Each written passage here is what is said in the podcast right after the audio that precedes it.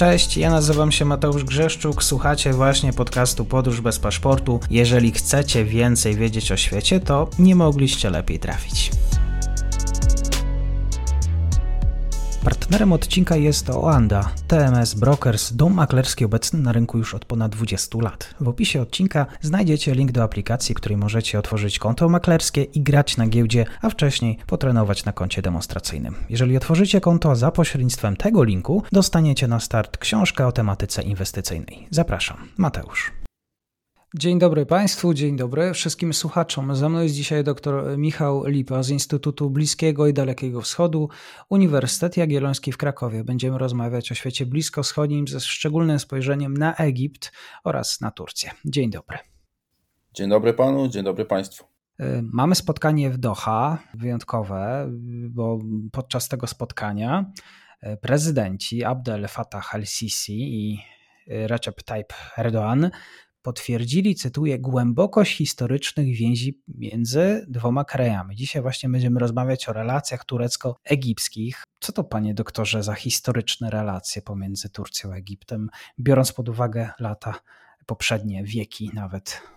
Znaczy, jeśli chodzi o wieki, to rzeczywiście te związki były e, bliskie, chociaż zawsze burzliwe. Mm, historycznie przez długi czas Egipt był częścią Imperium Osmańskiego. Potem się w XIX wieku zaczął wyzwalać z tej osmańskiej, powiedzmy, z tej zależności od Imperium Osmańskiego wraz z stopniowym e, upadkiem Imperium Osmańskiego. No przy okazji popadł w zależność kolonialną od Wielkiej Brytanii, no ale to jest inna historia. W międzyczasie także próbował z Turcją czy z Imperium Osmańskim walczyć, nawet będąc formalnie częścią Imperium Osmańskiego, więc zawsze to były takie relacje mm, z jednej strony bliskość kulturowa, polityczna, ponieważ w czasach e, przed XX wiekiem ci, którzy e, przez kilka wieków zarządzali Egiptem, faktycznie byli z nadania osmańskiego.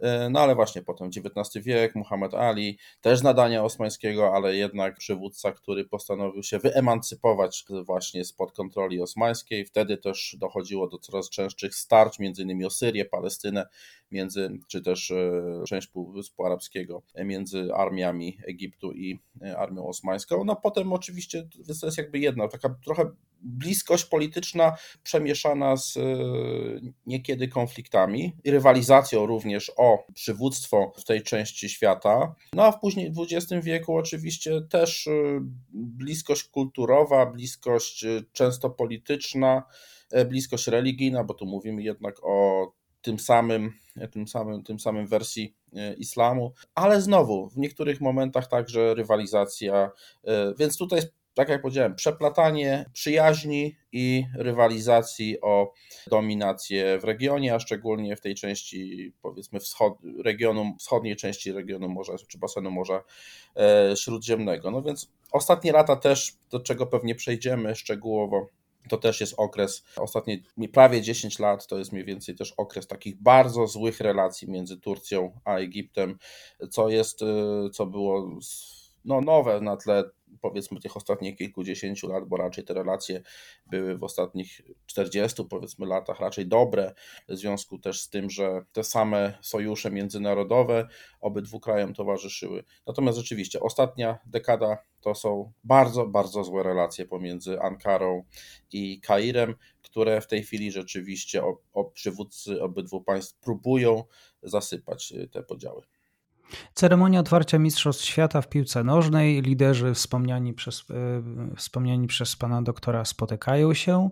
Erdoğan mówi, że to spotkanie jest tym pierwszym krokiem do rozpoczęcia nowej ścieżki w stosunkach. Jeżeli kraje miałyby współpracować, to jakie miałyby wspólne interesy akurat, jeżeli chodzi o świat bliskowschodni?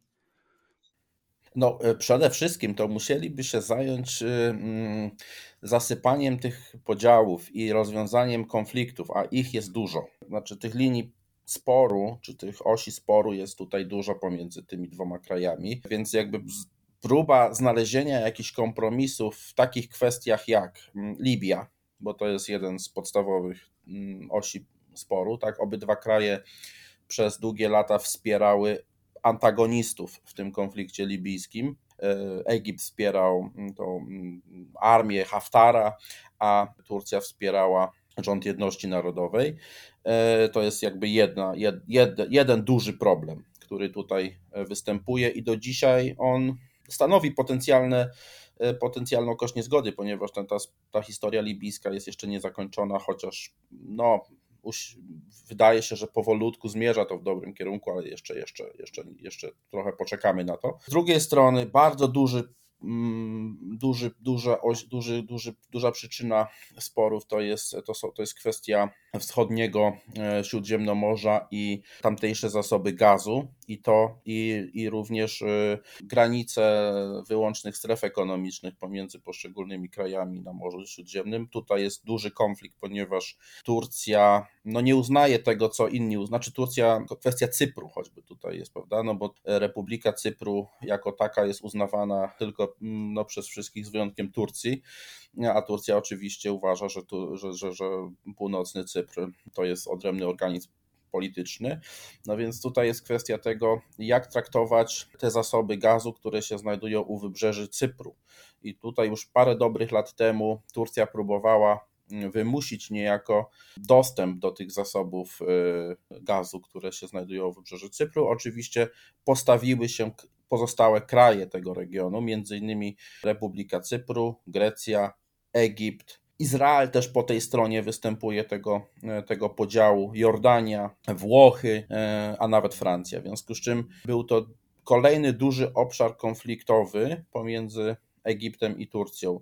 Więc y, trzeci duży obszar konfliktowy, czy, czy taki arena konfliktu, to jest powiązana z Bractwem Muzułmańskim i tym, że wraz z zamachem stanu, którego w Egipcie dokonano w 2013 roku i kiedy obalono prezydenta Morsiego, no to Bractwo Muzułmańskie generalnie rzecz biorąc to była ta opcja, którą wspierała Turcja Erdoana i Katar, prawda? W kontrze do tego, co wspierała Arabia Saudyjska, Emiraty, E, czyli ta opcja wojskowa w Egipcie. W związku z czym ten ideologiczny konflikt, który się też nakładał na to, którą stronę tego wewnętrznego konfliktu w Egipcie popiera dany kraj.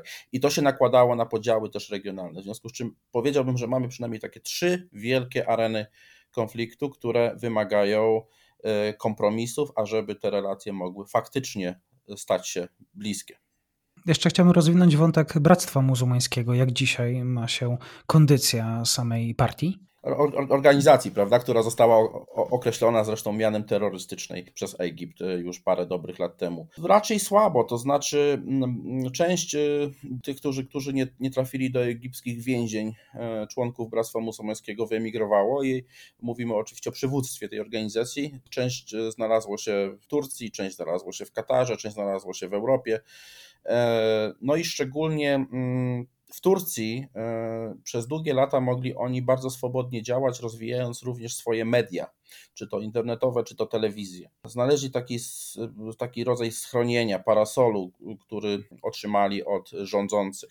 No więc rzeczywiście mogli sobie atakować, y, krytykować Sisiego, atakować y, Egipt y, w obecnej formie i tak dalej, i tak dalej. Natomiast w związku z tym, że Turcja w, ostatnich latach rzeczywiście pierwsza tak naprawdę wyciągnęła ręce do Egiptu i jednym z tych, z tych takich pierwszych gestów to było próba ze strony władz tureckich najpierw uciszenia tej krytyki, którą no, członkowie bractwa i te media, które są powiązane w Turcji z bractwem, atakowały, krytykowały Egipt i Sisiego, zostały najpierw wyciszone, a potem wręcz zamknięte. W związku z czym w ostatnim czasie można powiedzieć, że no w Turcji już sytuacja się zmieniła i nie mają tego takiego bezpiecznego schronienia, w którym mogą swobodnie działać. To znaczy, że ich tam nie ma, ale, ale już nie mają takiej swobody działania, więc generalnie rzecz biorąc mają podgórkę kolokwialnie mówiąc. A druga sprawa jest taka, że w ramach samej organizacji w związku z tym, że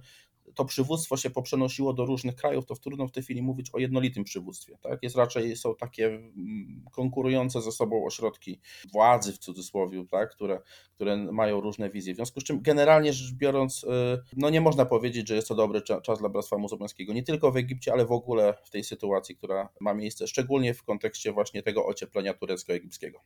To jeszcze na zakończenie, jeszcze o ten wątek, o którym już pan doktor również wspomniał. Chodzi o Libię. Libii, Libii obietnice wielokrotnie, przeprowadzenia wyborów. Jak ma się sytuacja dzisiaj, jaką, jaką formę nacisku również Egipt i Turcja formułują? Jak, jak duże są wpływy, aby jednak ten konflikt lokalny zakończyć? Z jednej strony, y, kiedy, kiedy w 2020 roku pojawiły się te usilne międzynarodowe działania, żeby, żeby doprowadzić te, sto, te strony konfliktu do rokowań i w efekcie czego Libia miałaby uzyskać, odzyskać stabilność, to i Turcja, i Egipt poparły tę wizję, żeby te, wsparły te, te wysiłki na rzecz pojednania e, w Libii. I więc tutaj z jednej strony, pomimo tego, że obydwa kraje wspierały antagonistów tego konfliktu, obydwa kraje już wówczas poparły ideę pojednania, tak? Więc y, oczywiście wiemy, że w Libii ten proces y, pojednawczy toczy się niezwykle powoli, odraczane są wybory, więc wciąż jest to, no Libia jest takiej powiedzmy w połowie drogi, tak ten konflikt jest trochę w zawieszeniu, ale wciąż nie został rozwiązany. Natomiast wydaje się, że obydwa kraje dążą do tego, y, żeby ten proces pokojowy, nazwijmy to, y, w Libii pchnąć do przodu. Dlatego, że z jednej strony, no Egipt Egiptowi zależy na stabilnej Libii, ponieważ niestabilna Libia to jest potencjalne źródło bojowników prawda, islamistycznych, którzy mogą gdzieś tam przedostawać się do Egiptu i, i szczególnie na Półwysep Synaj i, i, i zagrażać bezpieczeństwu Egiptu, to jest raz. No dwa, oczywiście to jest sąsiad, w związku z czym Libia i pokój w Libii oznaczałby stabilizację granicy, a być może też pewne szanse dla firm choćby egipskich, no a szczególnie, a, a także kwestie perspektyw współpracy ekonomicznej. Więc generalnie Egiptowi zależy zależy na, na tym, żeby Libia była e, stabilna, jeszcze jeden tutaj wątek dochodzi. Pomimo bardzo wojowniczej postawy Egiptu w kontekście libijskim, pamiętajmy, że armia egipska wcale nie chciała angażować się militarnie e, na dużą skalę w Libii, ponieważ nigdy nie wiadomo, jakby się to skończyło, jakby się na terytorium Libii starły bezpośrednio dwie silne armie bliskowschodnie, czyli armia turecka i armia egipska, no to koszty dla obydwu krajach byłyby ogromne, w związku z czym one w pewnym momencie zaczęły dążyć do deeskalacji tego podziału, to znaczy instrumentalnie wykorzystywały ten konflikt libijski, tak, ale w momencie, kiedy e, na horyzoncie pojawiła się wizja pewnego ocieplenia relacji i deeskalacji tych napięć między Ankarą i Kairem, no to jednak obydwa kraje zaczęły dążyć do, do tego, żeby ten konflikt libijski także wyciszać, czyli jakby zaczęły ograniczać swoje poparcie dla walczących stron i Y, przyłączyły się do poparcia tego procesu pokojowego. Więc wydaje się, że w interesie obydwu krajów jest y, dalszy proces y, pojednawczy w Libii. Nie wydaje się, żeby w najbliższym czasie Turcja czy Egipt dążyły do eskalacji. Turcji bardzo zależy zresztą na tym, żeby w ogóle ustabilizować sytuację międzynarodową, ponieważ jednym z czynników tego działania jest katastrofalna sytuacja ekonomiczna Turcji i, i ta izolacja, której Turcja się znalazła odpowiedzi na swoją taką bardzo powiedzielibyśmy, asertywną politykę zagraniczną. W związku z czym Turcji na tym strasznie zależy, bo, bo jest w złej sytuacji bardzo mocno. Zależy jej na inwestycjach, zależy jej na inwestycjach również z zatoki, które no, zniknęły. Zależy jej na egipskim gazie, który już płynie do, znaczy gaz, y, skroplony gaz y, oczywiście już płynie do, do Turcji, a Turcja ma wielkie potrzeby energetyczne, w związku z czym to też, ich, to też łączy te dwa kraje. Więc tutaj wydaje się, że rzeczywiście w ostatnim czasie pojawiło się więcej tych przestrzeni do porozumienia, a Libia, a, a skoro tak, no to obydwa kraje będą dążyć do tego, żeby deeskalować sytuację wewnętrzną w Libii. Podsumowanie tych relacji oraz najważniejsze wątki z perspektywy Turcji, Egiptu. Dr Michał Lipa, bardzo dziękuję za spotkanie. Dziękuję serdecznie, do usłyszenia. I to już koniec na dzisiaj. Zapraszam na profil podcastu Podróż bez paszportu na Facebooku, Instagramie i Twitterze. Zachęcam też do wsparcia mojej pracy na serwisie Patronite oraz Buy Coffee. Do usłyszenia.